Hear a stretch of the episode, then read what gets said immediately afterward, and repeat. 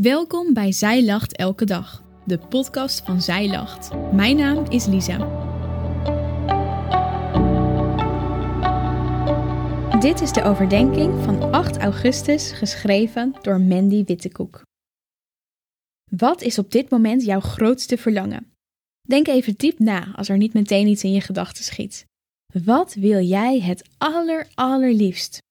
Misschien iets tastbaars als een nieuw huis, of iets immaterieels, zoals een liefdevoller hart. Heb je hem? Oké. En wat doe jij met dat verlangen? Ik zal je even op weg helpen. Grofweg heb je eigenlijk twee opties: het zelf proberen te bereiken of het bij God leggen. Deze uitersten demonstreren twee bekende Bijbelse personen: Eva en Salomo. We lezen twee Bijbelgedeeltes. Allereerst uit Genesis 3, vers 2 tot 6.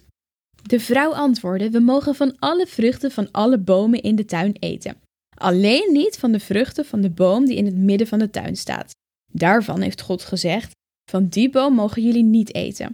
Jullie mogen hem zelfs niet aanraken, want anders zullen jullie sterven. Maar de slang zei tegen de vrouw: Jullie zullen helemaal niet sterven.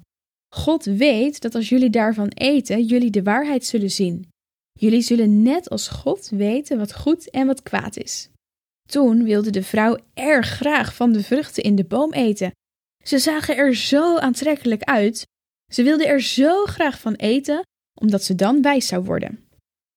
Ze plukte een vrucht van de boom en at hem op. Ze gaf er ook een aan haar man, die bij haar stond. Hij at de vrucht op. En dan een stuk uit 1 Koningen 3, vers 5 tot 9. Daar bij Gibeon kwam toen s'nachts de Heer in een droom naar Salomo toe. God zei: Vraag van mij wat je wil.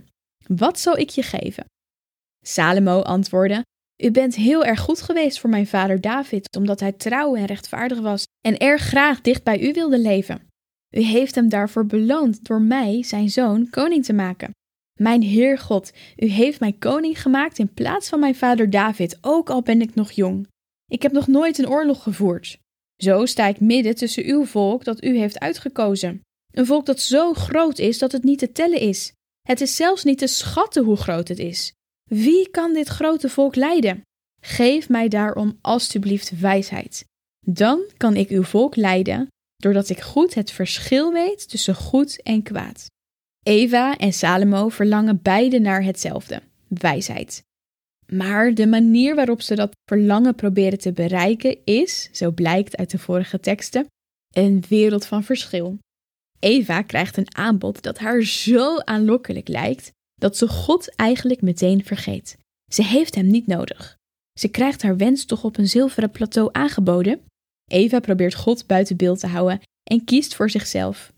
Gods koninkrijk blijft buiten beschouwing. Het gaat om dat van haar. Salomo daarentegen ziet zijn eigen onvermogen en het zweet breekt hem uit. Hij heeft God zo hard nodig hoe kan hij anders die ontzettend grote taak die voor hem ligt volbrengen? Zijn verlangen is gericht op wat hij nodig heeft om het werk binnen Gods koninkrijk te volbrengen. Beide verkrijgen wijsheid, maar op een totaal verschillende manier. Eva krijgt wat haar hart begeert, maar het resultaat is dat zij en Adam uit de tuin van Eden worden gezet. Salomo krijgt niet alleen wat zijn hart begeert, maar nog veel meer: wijsheid en rijkdom en bekendheid. Wat hij krijgt overtreft alle verwachtingen, omdat hij besloot God en zijn koninkrijk in zijn verlangen en plannen te betrekken. En God beloonde hem daarvoor. Nu jij. Ben jij een Eva of een Salomo? Ik denk dat we dit regelrecht naar ons eigen leven kunnen doortrekken. Niet zodat we alles krijgen wat ons hart begeert, want zo werkt het niet, maar wel zodat we leven in afhankelijkheid van God en met Hem delen wat ons bezighoudt. Oké, het is natuurlijk niet helemaal zo zwart-wit als in het geval van Eva en Salomo. Er is een middenweg. Een combinatie van beide. Je verlangen bij God brengen en er zelf naartoe werken. In het geval van een huis bid je ervoor en werk je ervoor.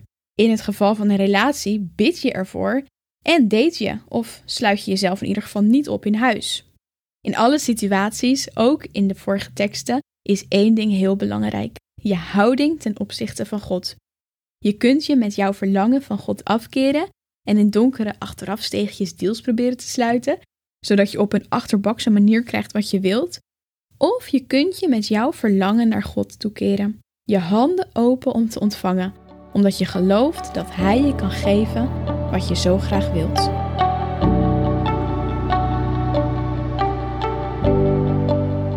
Dankjewel dat je hebt geluisterd naar de overdenking van vandaag. Wil je de overdenking nog eens nalezen? Check dan onze website. Je vindt daar ook nog meer toffe dingen die jou helpen om de Bijbel vaker te openen, zoals boeken, Bijbels, cursussen en evenementen. Morgen ben ik weer bij je terug met een nieuwe overdenking. Tot dan!